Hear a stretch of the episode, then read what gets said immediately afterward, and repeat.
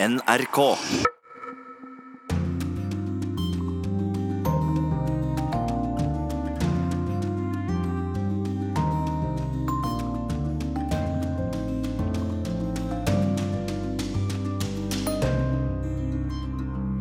Klokken har passert 11.03. Du hører på NRK P2 eller på Alltid nyheter, og programmet er Urix på lørdag.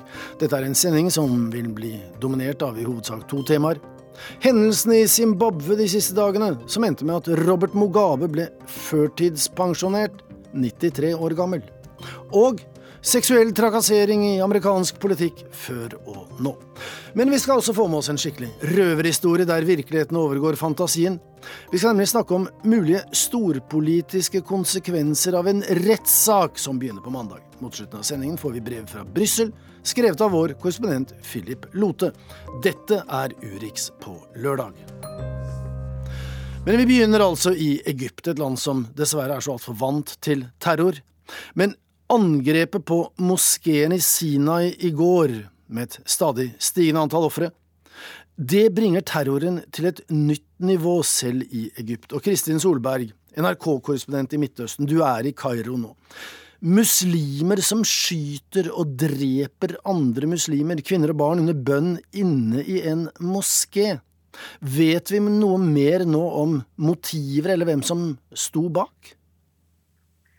Eh, det vi vet er jo at dette var det største angrepet i nyere moderne historie. Og ikke bare eh, sjokkerer det med antall drepte, men også det at de slo til, som du sier, midt i fredagsbønnen og i en moské, som er helt, eh, helt uvanlig, uvanlig, her. Vi har jo sett tidligere at det har vært mange angrep mot sikkerhetsstyrkene. Det har også vært angrep mot sivile kristne mål en god del av den eh, de siste, de siste årene.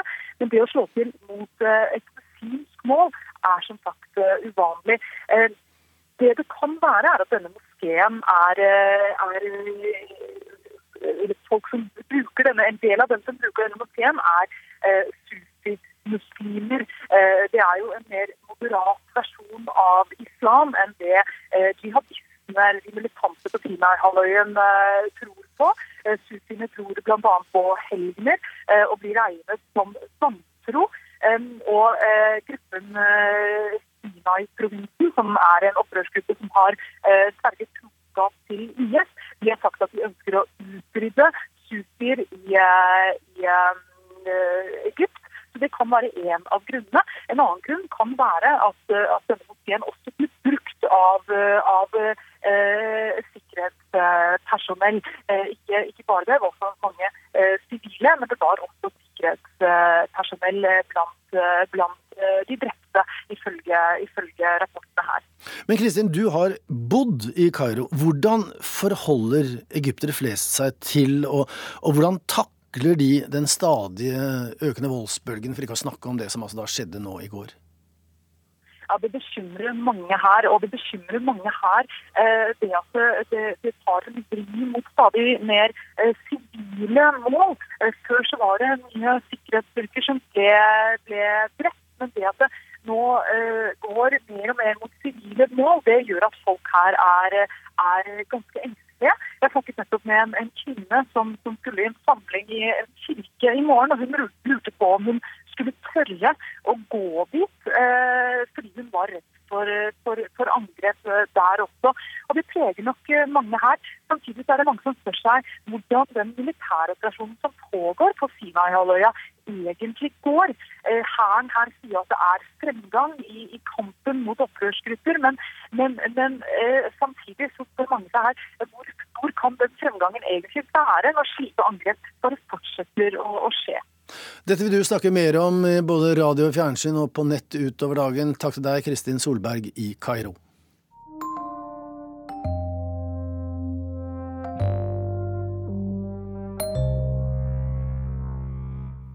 Vi skal eh, bevege oss sørover, krysse et ekvator og komme oss til Zimbabwe, som altså har fått ny president. Og folk i Zimbabwe ser frem til en ny hverdag. Det gjør også bøndene i Masove utenfor Harare.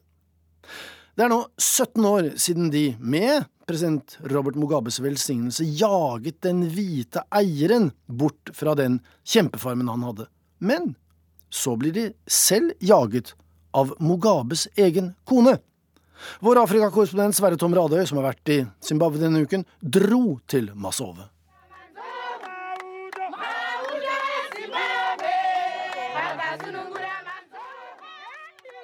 De vifter med flagg, bannerne vaier. De danser, det vrikkes, og alle kjenner sangen. Ingen skal ta vårt land, det tilhører våre forfedre. Vi er i Masove, seks-sju mil utenfor Harare. 30-40 småbønder har tatt turen fra bølgende pastoral idyll et par mil innover i landet, ned hit til hovedveien.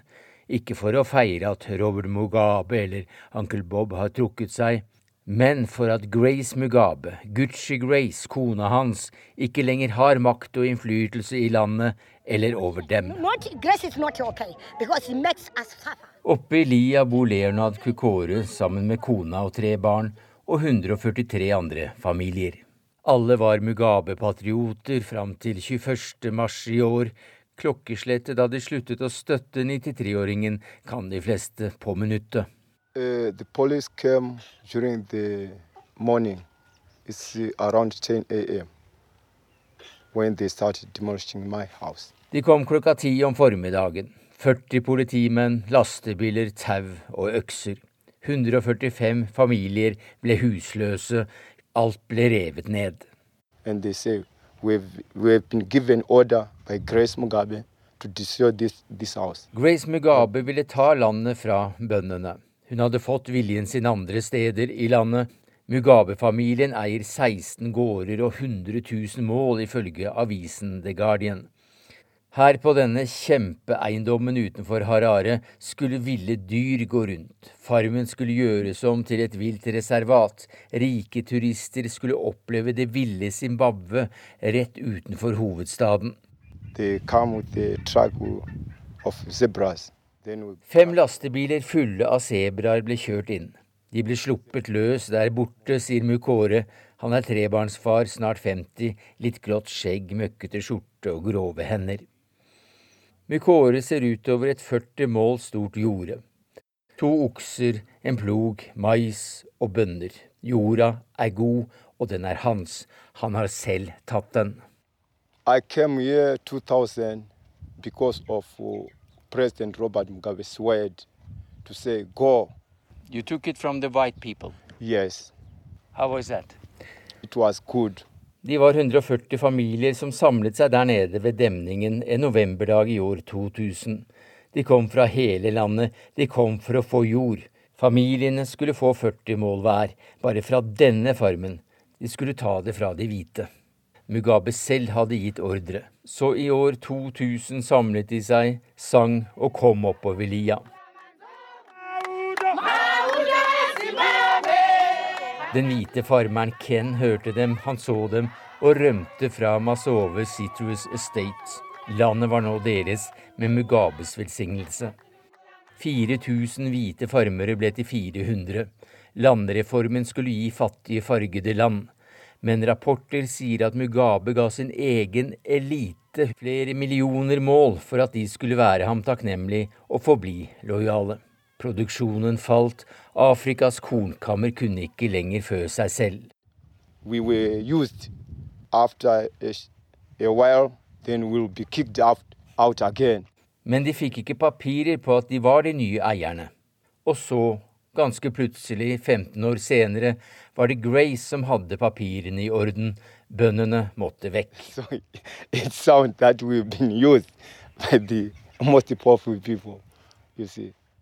Men rettsvesenet har ikke alltid fulgt Mugabes ønske. Den stoppet utkastelsen foreløpig, og nå når Grace er ute av denne soga om Zimbabwe, så danser bøndene igjen oppover lia.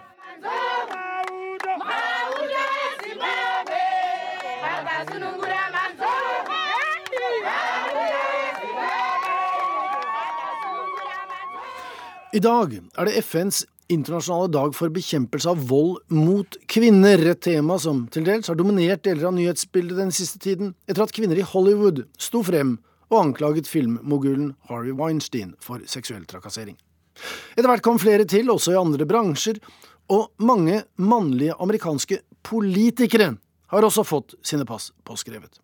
Akkurat nå er republikaneren Roy Moore ute i hardt vær. Han er sitt partis kandidat i suppleringsvalget til Senatet i Alabama i midten av neste måned. Han er anklaget av ni kvinner for trakassering og overgrep, men nekter absolutt alt.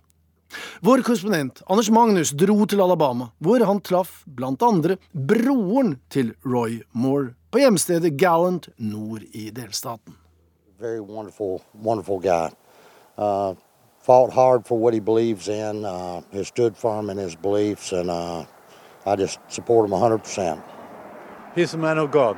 Yes, very much so. Joy Moore snakker svært pent om sin bror, en vidunderlig og gudelig mann som han støtter 100 Men hvem er han, denne tidligere dommeren, som nå vil forsøke seg i politikken og stiller som kandidat til et sete i Senatet? He's a fundamentalist Christian, uh, very moralistic, but he has said numerous times over the past 10 or 12 years that homosexuality itself should be criminalized. That's pretty strong. Å være for kriminalisering av homofili er ganske sterkt, syns Quinn Hillier. Selv kaller Hillier seg for en svært konservativ kommentator, men han synes nok Roy Moore likevel er litt i mesterlaget, med sine krasse standpunkter mot selvbestemt abort, mot samkjønnede ekteskap, for kreasjonismen og for retten til å bære våpen. Dette er imidlertid standpunkter som går rett hjem hos velgerne i Alabama, hvor 40% tilhører evangeliske menigheter. Grunnen til at Moore nå sliter på meningsmålingene, er anklager om seksuell trakassering og overgrep fra hele ni kvinner. Blant dem er Beverly Young Nelson, som forteller at hun fryktet å bli voldtatt av Roy Moore da hun var 16 år gammel. He began squeezing my neck, attempting to force my head onto his crotch. He was also trying to pull my shirt off. I thought that he was going to rape me. Anklagene avvises av Roy Moore, og broren Joey tror heller ikke på dem. Dette er falske nyheter, sier han til oss. It's fake news. It's just stuff that's been brought out. There's uh, no proof, no evidence. Some of this stuff is uh, just made, uh, well, it's made up. Men hvem står da bak anklagene? I Magnolia Springs Baptist Church i nærheten av Mobile i Sør-Alabama er man sikre på hvem som har fått i stand denne konspirasjonen. I believe Mitch McConnell And those folks who orchestrated this uh, are very much behind what's happening. Republicans. Menighetsmedlemmet Kay Day tror det er USAs mektigste folkevalgte som står bak. Senatets majoritetsleder Mitch McConnell og majoritetsleder Paul Ryan i Representantenes hus, begge to fra Roy Moores eget parti, Republikanerne. Selv om lokalpartiet støtter Moore, mener de to nasjonale lederne at han bør trekke seg pga. anklagene fra kvinnene. Uh, Roy Moore should step aside. If he cares about the values and the people he claims to care about, then he should step aside. Slike utsagn får de troende til å stå enda fastere i sin støtte til Roy Moore. Og er det ikke et bevis på hvem som står bak svertekampanjen? Presten i Magnolia Springs, pastor David Gonella, mener det er nokså klart at senatsleder Mitch McConnell står bak dette. So that McConnell and the Republican swamp decided to take down more. They don't like him, and the reason they don't like him is Mitch McConnell can't control him. Kommentator Hillier rister på hodet. Dette er en helt sinnssyk konspirasjonsteori, mener han. That is absolutely 100% insane, and I don't mind saying it. But what that comes from is, again, Donald Trump ran on this idea that everybody in Washington, including the Republican establishment, is not just wrong, but evil and corrupt. Men det er jo akkurat slik det er, sier menighetsmedlem Kay Day. Både demokratene og republikanerne burde skamme seg over den måten de har behandlet de kristenkonservativets martyr og helt Roy Moore. So, uh, the Democrats and the Republicans, shame on them. Shame on them. From Alabama, shame on them. Anklagene mot Roy Moore går flere tiår tilbake i tid, så sexual harassment, som de sier på de kanter, er ikke noe nytt i USA. Men for et kvart århundre siden så var det mindre vanlig å snakke om det i det offentlige rom. Likevel så var det én som talte der andre tiet. Hun anklaget sin sjef for å ha oppført seg svært kritikkverdig. Han skulle bli USAs neste høyesterettsdommer. Hun het Anita Hill. Det er oktober 1991. Welcome, professor Hill. Senatets justiskomité er egentlig ferdig med høringen til Clarence Thomas, som er nominert til Høyesterett. Professor, do you swear to tell the whole truth and nothing but the truth, so help you God? I do. Thank you. Men et FBI-intervju som blir lekket, får komiteen til å innkalle en av hans tidligere ansatte. My name is Anita F. Hill, and I am a professor of law at the University of Oklahoma. Og jusprofessor Anita Hill kommer med beskyldninger ingen hadde hørt maken til. He spoke about acts that he had seen in pornographic films involving such matters as women having sex with animals and films showing group sex or rape scenes. Hill fortalte om ubehagelig og upassende oppførsel fra sin tidligere sjef i Kommisjonen for likestilling i arbeidslivet. At Clarence Thomas i samtale med henne på jobben ofte snakket om pornofilmer han ville hun skulle se, om dyresex, store pupper og peniser. Han skrøt også av sine egne seksuelle attributter, sa hun. Hun ba ham slutte, og sa alltid nei da Thomas, som var gift, ba henne ut. Og så var det episoden på kontoret hans med colaboksen og kjønnshår. We working, went over to his desk to get the coke, looked at the can and asked, Who has put pubic hair on my coat? Well, I think that they should know uh, that the witness did not say anything to the FBI about uh, the described size of his penis, the description of the movie Long Dong Silver, about the pubic hair in the Coke story. 30% av amerikanske husholdninger fulgte med på den TV-sendte høringen. Det de så, var en 35 år gammel svart kvinne som ble grillet av en senatskomité bestående av bare hvite menn. Senatorene skjønte neppe hva Anita Hill snakket om. Sympatien lå på Clarence Thomas' side. Committee will please come to order.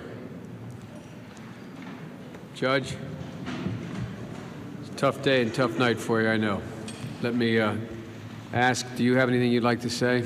Thomas, som også er afrikansk-amerikansk, benektet alt This is a circus. It's a national disgrace. og ble godkjent som høyesterettsdommer. I would do it again. It was surreal to experience that. And unfortunately, I hear from women in particular, but women and men. Det var surrealistisk, men jeg ville gjort det igjen, sa Anita Hill til PBS i fjor. Det var 25 år etter høringen. Den gang talte jeg til Senatets justiskomité, men det var i virkeligheten til hele verden. Om hva altfor mange kvinner opplever på arbeidsplassen, sa hun til The Washington Post denne uken. I kjølvannet av Anita Hales vitnemål begynte man å snakke om seksuell trakassering i USA for alvor. Kongressen vedtok en lov som ga ofrene rett til å søke om erstatning, og i det private næringslivet begynte man å holde kurs om hva som er passende og upassende atferd overfor medarbeidere. Den dårlige behandlingen hun fikk av komitémedlemmene i Senatet, gjorde mange amerikanske kvinner rasende, og skal ha medvirket til at mange flere kvinner ble valgt inn i Kongressen i 1992. Jusprofessoren selv har siden den gang vært en foregangskvinne i kampen mot seksuell trakassering og overgrep og for likestilling. Og hun spør seg selv hvordan verden hadde sett ut hvis politikerne i justiskomiteen i 1991 hadde tatt henne på alvor. Myself, they had actually taken it seriously? What if in that moment they said, we're not going to be so concerned about doing politics as we are concerned about doing leadership? I am so sorry that she had to go through what she went through. Think of the courage it took for her to come forward. Tidligere visepresident Joe Biden er en av dem som skulle ha vist mer lederskap for 26 år siden, mener Anita Hill. Den daværende demokratiske senatoren var formann i justiskomiteen. Han har beklaget behandlingen hun fikk under høringen, sist under et arrangement tidligere denne måneden hos magasinet Glamour, men understreker at han trodde på hvert ord hun sa og stemte mot Clarence Thomas som høyesterettsdommer.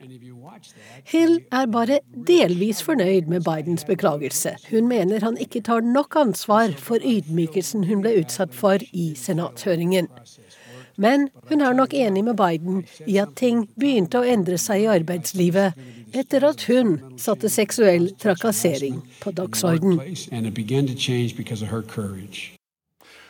Der hørte vi tidligere senator og visepresident Joe Biden. Reporter var Wenche Eriksen, og vi skal fremdeles holde oss i USA. Der en interessant rettssak begynner på mandag. Det er Reza Sarab han er tiltalt for å ha tjent millioner av dollar som mellommann i lyssky forretningsvirksomhet mellom Tyrkia og Iran, i strid med USAs sanksjoner mot presteskapet i Teheran.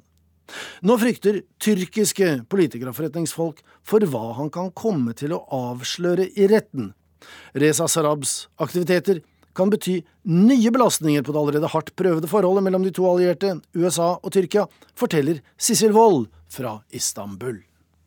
Historien om den 34-årige gullforhandleren Reza Sarab er som hentet fra en Netflix-serie. Sarab ble født inn i en rik familie i Iran, der faren hans hadde bånd til tidligere president Mahmoud Ahmadinejad. Og den unge gullselgeren så store muligheter under sanksjonsregimet. Han kom raskt i gang med big business, godt hjulpet av sine tre statsborgerskap. Et iransk, et tyrkisk og et aserbajdsjansk. Fra kontoret sitt i Trump Tower i Istanbul pleiet han kontakt med mektige venner. Og han giftet seg inn i kjendisverdenen med den tyrkiske skuespilleren og artisten Ebru Gunders.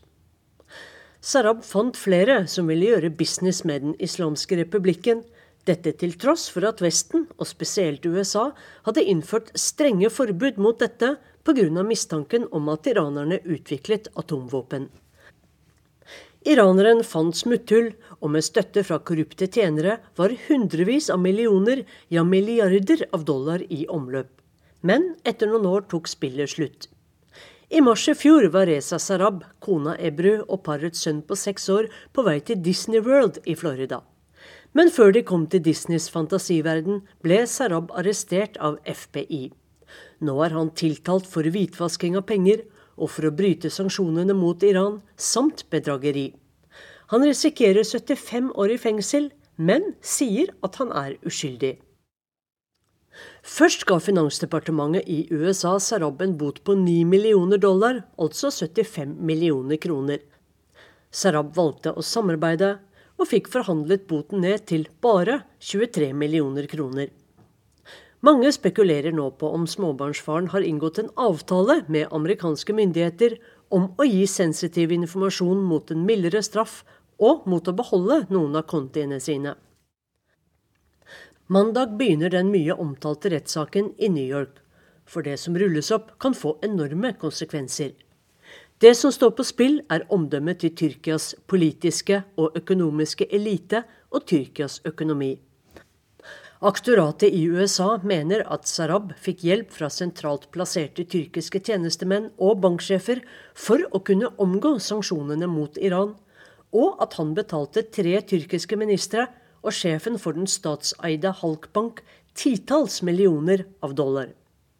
Direktøren for Halkbank, altså Folkebanken, er også tiltalt, og bankens tidligere nestsjef sitter også på tiltalebenken i New York sammen med Reza Sarab. Ifølge The Economist har Sarab også gitt 5,4 millioner dollar, altså 50 millioner kroner, til presidentfrue og førstedame Emine Erdogans veldedighetsorganisasjon.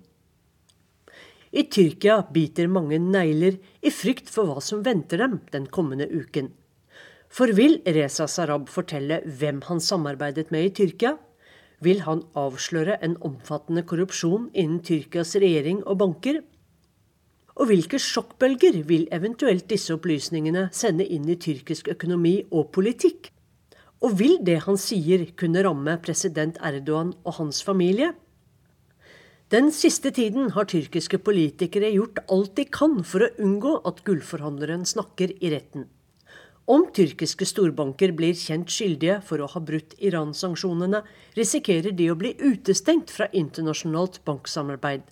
Det kan få store konsekvenser for Tyrkias økonomi, og spesielt valutaen lire, som allerede er svekket. Tyrkiske toppolitikere har gang på gang bedt amerikanske myndigheter om å få satt Reza Sarab fri, men forgjeves. Så nå er taktikken endret. For nå sier president Erdogan at USA har en bakenforliggende agenda med denne saken. Dette er et angrep mot Tyrkia, mener han, og viser til at både han og kona Emine er omtalt i sakspapirene. Vi har hørt den samme visen fra Tyrkia før, og dette er latterlig, svarte talskvinne for USAs utenriksdepartement Heather North denne uken. Og mens tyrkerne holder pusten før det braker løs, er forholdet mellom de to Nato-allierte, USA og Tyrkia, igjen inne i en kritisk uke.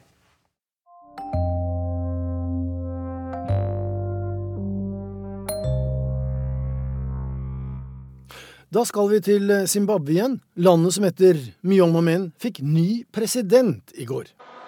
I, Emerson Dambudzo Mnangagwa, swear that as president of the Republic of Zimbabwe Den 75 år gamle Emerson Nangagwa avla eden etter at landets sterke mann gjennom nesten 40 år, Robert Mugabe, gikk av såkalt frivillig i anførsel. Han ville blitt avskjediget uansett. I thank you, and good night. Men denne vegringen mot å gå av selv etter fylte 93 år, som i Mugabes tilfelle, det er noe flere afrikanske ledere har lidd av, og som Afrika lider under. Det fikk en kollega til å stille følgende spørsmål. Hva er det med Afrika som gjør at så mange land har ledere som blir sittende og sittende og sittende? Dette er da også tema for ukens Urix-podkast, der Sigurd Falkenberg Mikkelsen er programleder. Men vi begynner med denne karen. En mann som har fartstid fra både Zimbabwe og det øvrige Afrika. Mange av landene jeg reiste til på den tiden, kom rett ut av borgerkrig. Mange av landene jeg besøkte, hadde veldig dårlig standard. Og det å komme hjem igjen til Zimbabwe, til Harare, det var på en måte å komme til første klasse, altså fra en slum over halve Afrika. Jeg heter Tom Christiansen. Jeg er utenriksmedarbeider i NRK. Jeg har vært korrespondent i Afrika flere ganger. Eh, den første perioden bodde jeg i Harare i Zimbabwe. Den daglige tobakksauksjonen i Harare. Sekk på sekk auksjoneres bort til utenlandske kjøpere. Salg av tobakk gir Zimbabwe tilgang på utenlandsk valuta, men hvor mye? Mugabe ble til å begynne med ansett for å være en god leder. De hvite i landet sier vi har tatt helt feil av denne mannen. Dette er mannen som bringer oss videre. Se, nå øker vi eh, kunnskapsnivået. Mugabe satset jo på helse og utdanning. Han var jo lærerutdannet. Han satset altså på de ting som virkelig betød noe, som gjorde Zimbabwe til en slags velstands... Vel, velferdsstat på den tiden. Det var ganske unikt i Afrika, og dette var en sensasjon. Men så var det noen autoritære trekk. De så det som jobbet tett på Mugabe, som uh, var uenig med han. Den andre geriljabevegelsen han samarbeidet med, oppdaget jo at han uh, satte spioner på dem, at han overvåket dem, at uh, de ble altså skjøvet i hjørner når han følte seg trua. Han skulle ha all makt. Og disse autoritære trekkene ble jo mer og mer tydelige etter hvert, og styresettet mer og mer brutalt. Men når du kikker tilbake på det med de mulighetene som fantes i begynnelsen, hva syns du om den utviklingen Zimbabwe har fått? Det er til å grine av å se det som har skjedd siden. Fordi Mugabe eh, kjørte det han startet, rett i grøfta. Det var krigsveteranene som sa 'hvor blir det av den jorda vi skulle ha'? Og til slutt så sa en oppgitt Mugabe 'gå og ta den sjøl', og det gjorde de. De jagde de hvite farmerne, de som virkelig drev landbruket i Zimbabwe for eksport og skaffet mye utenlands, utenlandsk kapital. Eh, så gikk landet nedenom og hjem, og Mugabe brukte de harde metodene. Han lot ungdommen, sin egen eh, hird nærmest, eh, gå amok på politiske motstandere. Han tålte ikke å bli motsagt og få opposisjonspartier innpå seg. Han tålte ikke at noen kritiserte ham. Han stilte aldri til debatter. Han deltok aldri i noen slags politiske samtaler. Det var et tross at det var flerpartistyre, et enemannsdemokrati. Det var Mugabe. Og da blir det sånn at alle som er rundt Mugabe Du kommer deg ikke fram i politikken ved å kritisere presidenten. Du kommer deg bare fram ved å være en ja-mann. Komme nærmest presidenten, det blir det politiske målet. Og dermed så rakner hele forståelsen av hva et demokrati er.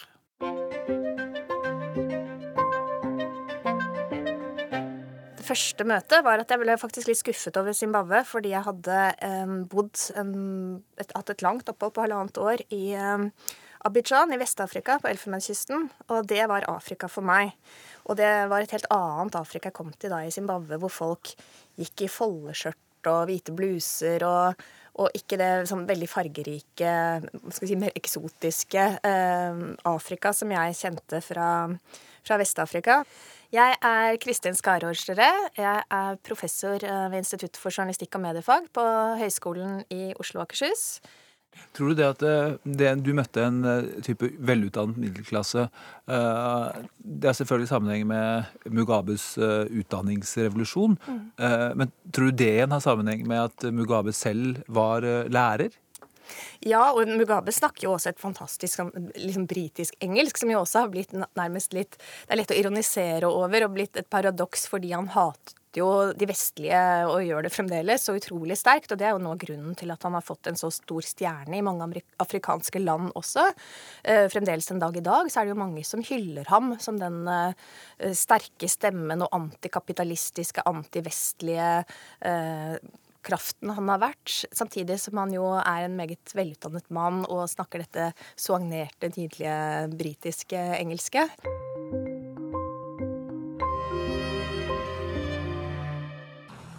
Have you any idea what's going on in this country? They're not even bothering to dig graves anymore. They're simply feeding them to the crocodiles. Tell me what is on your mind. Dette er et utdrag fra The Last King of Scotland, en av de få vestlige storfilmene som er laget om afrikansk politikk. Den handler om en av kontinentets verste historier, den om Idi Amins vanstyre, diktatur og vanvittige overgrep i Uganda. Etter ham fulgte borgerkrig, og mannen som til slutt tok over etter diktatoren, styrer fortsatt landet, nemlig Joeri Museveni. For det er jo ikke slik at eh, Robert Mugabe er alene om å nekte å gi seg. Den lista er lang og strekker seg over hele kontinentet, fra nord til sør og fra øst til vest. Ja, Det du snakker om nå, er det som ofte refereres eh, til som the big man syndrome. og det at man først kommer... Jeg har til og med sett det kalles big manism. altså at dere rett og slett har fått en egen isme. Ja, ikke sant? Og det er jo menn det handler om. så det er er eh, Det er ikke noen grunn til å påstå at det her skal man prøve å finne noe mer kjønnsnøytralt uttrykk for det. Eh, hvordan kan afrikanske ledere beholde makt så lenge innenfor det som tross alt er noen demokratiske rammer? Og det er jo fordi de er, blir så mektige at de klarer å skalte og valte også med valglover og, og også med det juridiske rammeverket. Vi ser jo i Uganda, hvor Museveni har sittet i over 30 år, og han vant jo en ny femårsperiode i fjor. Eh, tross i at opposisjonen mener at der var det også valgfusk. Og, og endrer også, eh, ettersom tiden går, reglene for hvor lenge man kan sitte. For øvre aldersgrense er nå det neste som han sannsynligvis må, må endre på. Eh, vi ser det i Kongo-Brazzaville, vi ser det i Rwanda. Eh, vi ser at den som kontrollerer stemmetellingen, vinner valget veldig ofte. Og, og gjerne bruker litt ufine metoder for å, å sikre seg da at uh, man har flest stemmer på sin side, selv om kanskje veldig store deler av befolkningen vet at ikke det er helt reelt.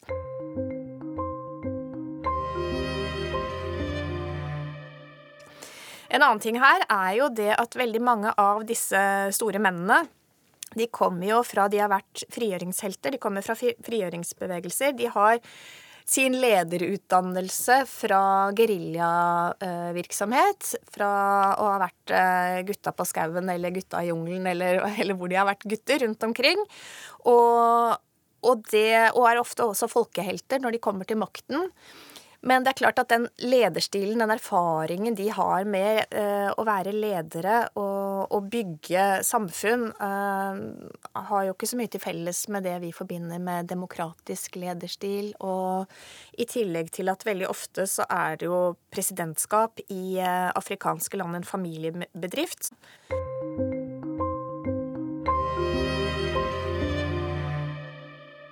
Tom, det finnes en pris som heter Mo Ibrahim-prisen. Den er oppkalt etter en eh, sudanesisk forretningsmann, og den skal deles ut til en afrikansk leder som klarer å gå av i tide og under ordnede forhold. Den ble ikke utdelt i fjor, og den har ikke blitt utdelt så langt i år. Hvordan forklarer du dette med at afrikanske ledere blir sittende så lenge? Det er fordi Afrika ligger veldig langt unna det egalitære Norge, hvor eh, statsministeren helst skal sykle på jobben. I Afrika blir du sjef der, så går du i en tradisjon fra høvdinger. Eh, og høvdinger hadde all makt, de bestemte alt, de hadde all visdom. Eh, de hadde magiske evner, de kunne spå om framtida. Denne visjonen av lederen har gått helt til topps. Helt til, til topps om man betrakter presidenten som en halvgud.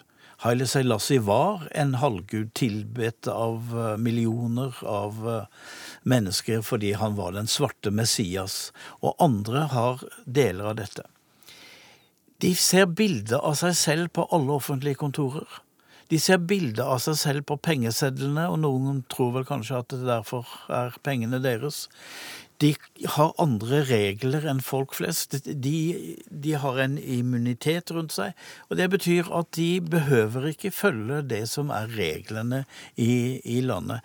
De har så å si sin egen fil gjennom hele livet. De og sin familie og sin slekt og sitt distrikt. De er altså halvguder. Og derfor er det ingen grunn til å gå av. De blir sittende og blir sittende. Mm, men sammenhengen med uh, den uh, kolonifortiden uh, hvordan ser du det i lys av utviklingen av disse ettpartistatene og styret og, og disse, disse, disse, big man-syndromet? Da eh, kolonimaktene kom til Afrika, så satte de seg selv på toppen av pyramiden og lot resten stå. Alle høvdingene hadde sin innflytelse. All administrasjon var som før, men det var på toppen med guvernøren og, og sånn. Slik at når britene trakk seg ut av Afrika, så ble det ledig på toppen, og da kom afrikanske elitepolitikere, eller uh, opposisjonsledere, geriljaledere, uh, og plasserte seg på toppen. De etterlot seg altså et rått hierarki, ettmannshierarki, som hvor man skiftet ut en britisk guvernør med en svart høvding. Og dermed så fortsatte diktaturet i Afrika som britene hadde holdt på med, og alle de andre hadde holdt på med. Så det var først på 1990 at dette brøt sammen og ble til noe nytt, etter muren i Berlin falt. For dermed så slutter jo den internasjonale Disse supermaktene trengte ikke lenger koloniene sine i Afrika. Eh, de hadde jo et hegemoni. Var det ene landet med russerne, så var det andre landet med amerikanerne. Alt det ble borte. Og så kunne de begynne på nytt. Flerpartidemokrati. Og det har man holdt på med siden. Men vi ser jo at det rakner, det òg, fordi at dette er i ryggmargsrefleksen. Og det de ofte har gjort, er jo å overta et europeisk demokrati som kanskje ikke passer helt for Afrika. Men la, la, meg utfordre deg litt på dette her. fordi eh, Det er også en eh, tankegang jeg møter ofte i, eh, i Midtøsten.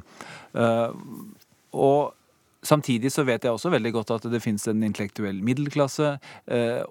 Eh, folk er også der i stand til å ta eh, selvstendige valg.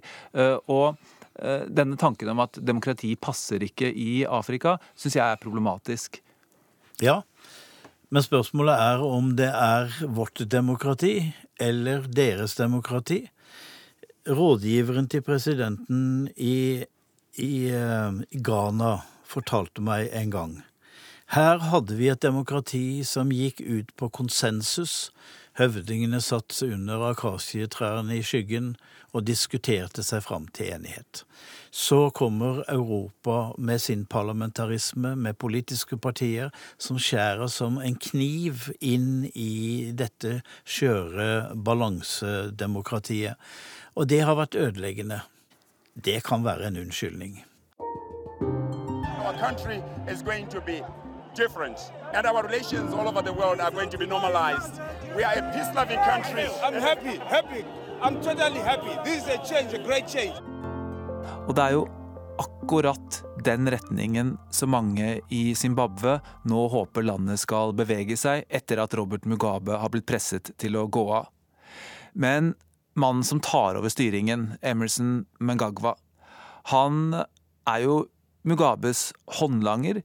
De har sammen planlagt, gjennomført eh, massakre, etnisk rensning på 1980-tallet Mangagwa sto bak plyndringen, ifølge FN, av diamantgruver i Kongo.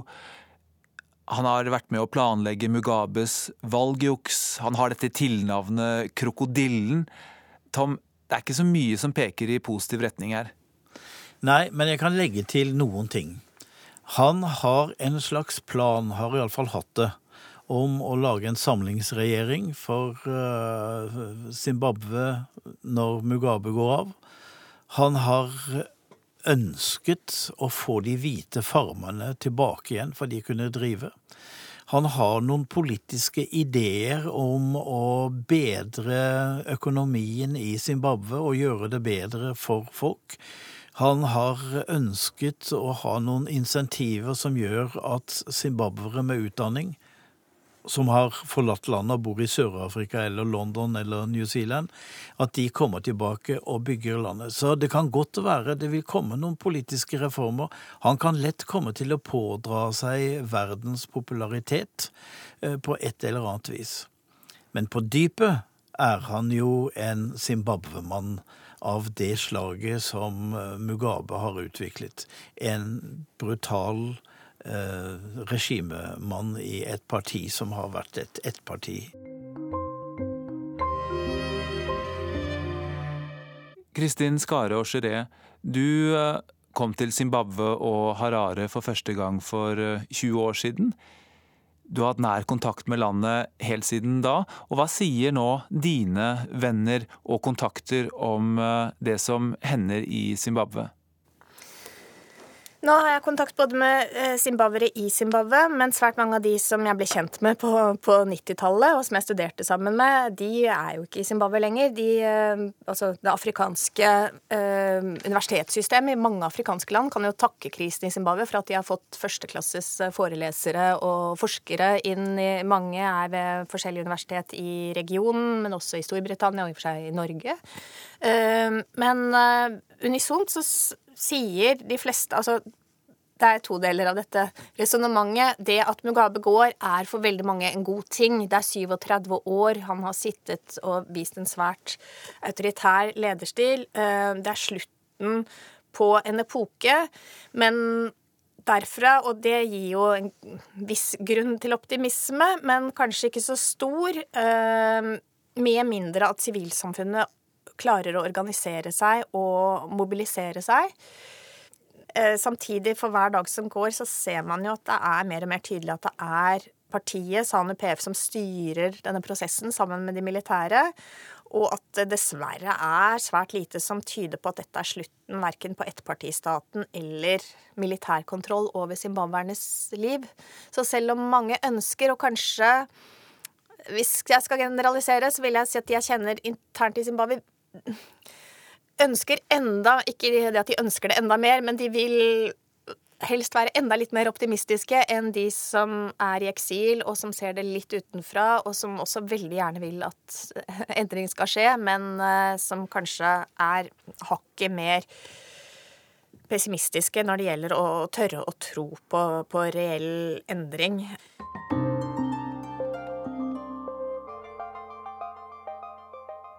Da er det klart for ukens korrespondentbrev. Det kommer fra Brussel og er skrevet av Philip Lote.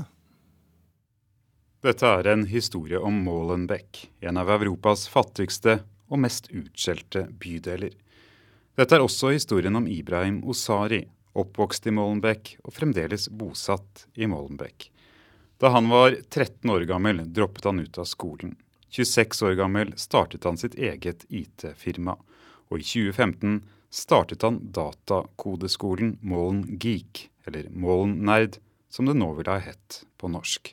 På Målen Geek handler det både om å lære å kode og om å knekke koder.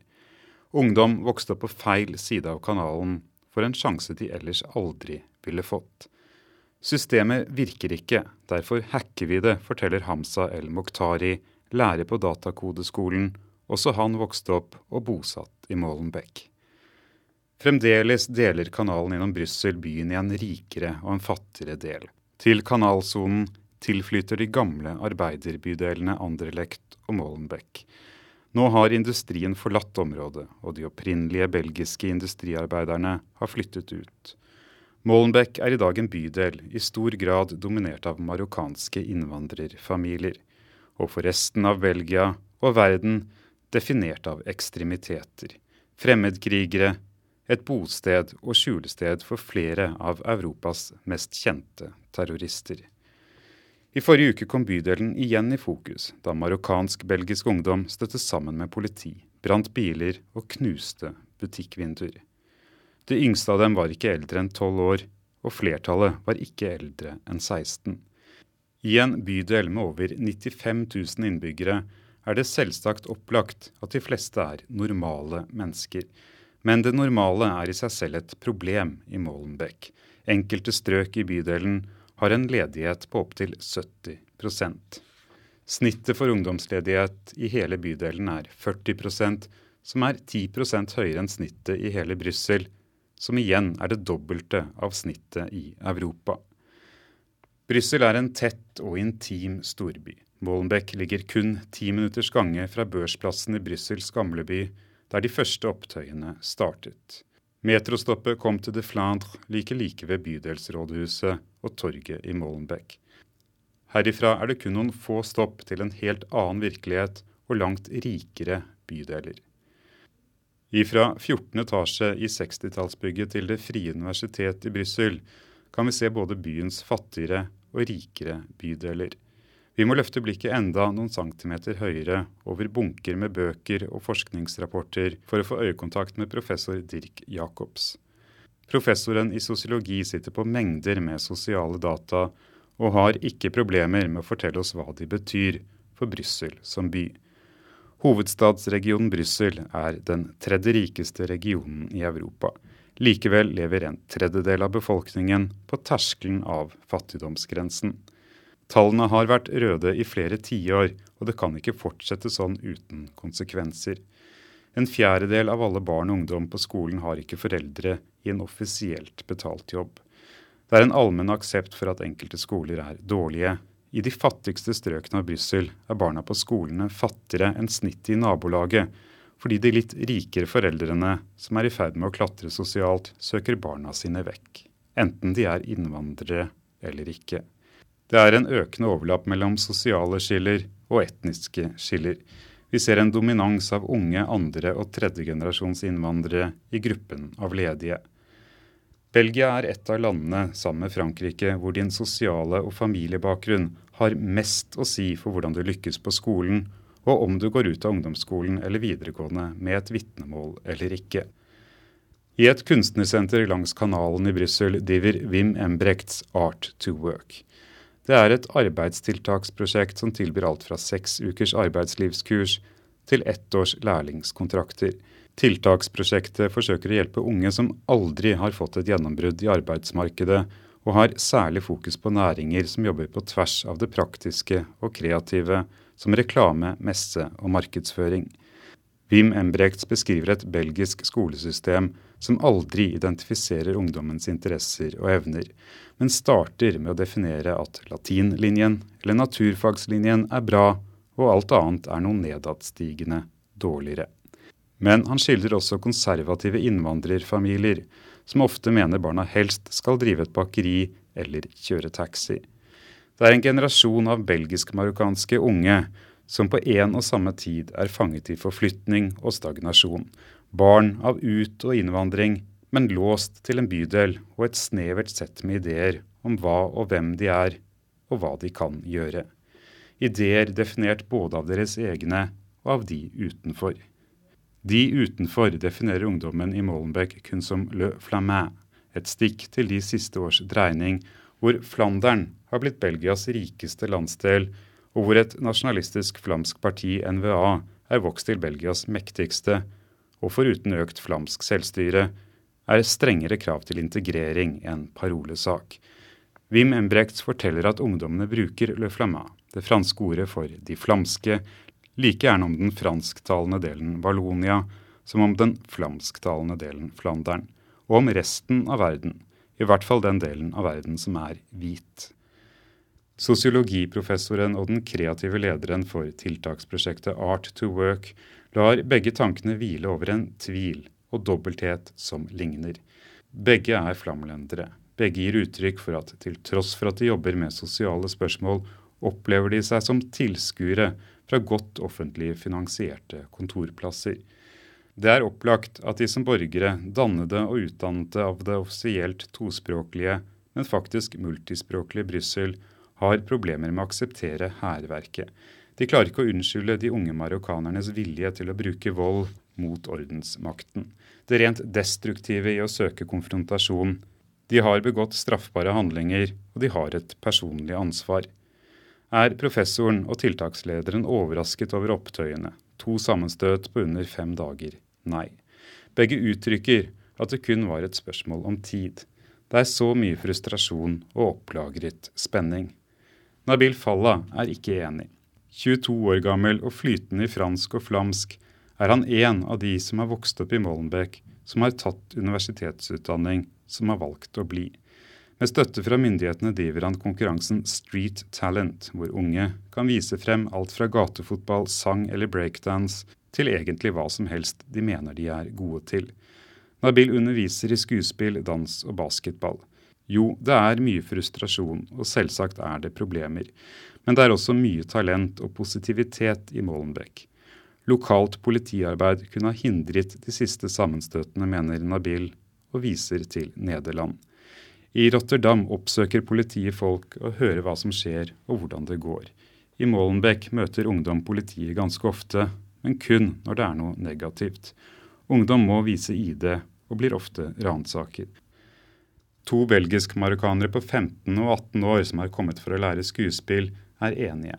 Begge er ennå i skolen. Den ene går på handel og kontor, den andre på rørleggerlinjen. Den yngste har valgt en skole utenfor Molenbeek. Brussel er i dag en tjenestebasert økonomi, men store deler av befolkningen er ikke utdannet eller kvalifisert til å betjene disse yrkene. Dette er en annen av professor Dirk Jacobs analyser. Ibrahim Osari er enig. Grunnleggeren av Molengeek lærte seg datakodingen han nå lærer videre på egen hånd. Rundt omkring setter byer og politikere opp såkalte innovasjonssoner og tech-sentre for å tiltrekke seg talenter. Det er meningsløst, sier han. Alt talentet vi trenger, er jo her. En annen av lærerne på skolen, Yasim Karchaf, vet ikke sikkert, men han mener at under halvparten av de som går på skolen, har et vitnemål fra ungdomsskolen eller videregående. Vi spør ikke om det, utfyller Ibrahim. Vi spør om hva du vil, og så setter vi sammen grupper hvor vi tror dynamikken er god. Taflik El Osani sitter ved en pult på Molengeek og programmerer. Gutten i 20-årene er ferdig med datakodeskolen og er nå i ferd med å lage en webbutikk for klær. Vi slipper ikke elevene når de har lært datakodingen. Vi holder dem her og gir dem private oppdragsgivere. Du får ikke noe diplom som du kan holde opp og ta bilde av og si 'Se, pappa, så flink jeg er'. Du får en oppdragsgiver. Når du har levert og får betalt, så forstår du at det du har lært, har en verdi. At du tilfører samfunnet noe. Sa Philip Lote, og vi tar med at uh, noe av denne sendingen kan høres i reprise i P2 klokken 16.30. Og helt til slutt så tar vi med at i morgen så blir det flere markeringer, bl.a. Oslo og Trondheim, i anledning en viktig dato fra krigens dager. Det er nemlig 75 år siden politiet gikk til aksjon mot jødiske kvinner og barn over hele landet, og 529 norske jøder ble sendt med fangeskipet Donau til nazistenes utryddelsesleire. Bare 38 norske jøder overlevde tysk fangenskap. Dette markeres altså i morgen. Da er vi ferdig med denne runden. Den tekniske ansvarlig for at dette kom på lufta, det var Eli Kyrkjebø. Produsent, hun heter Tone Nordahl. Og her i studio så satt jeg og ledet det hele med fast hånd og myndighet, Joar Hoel Larsen.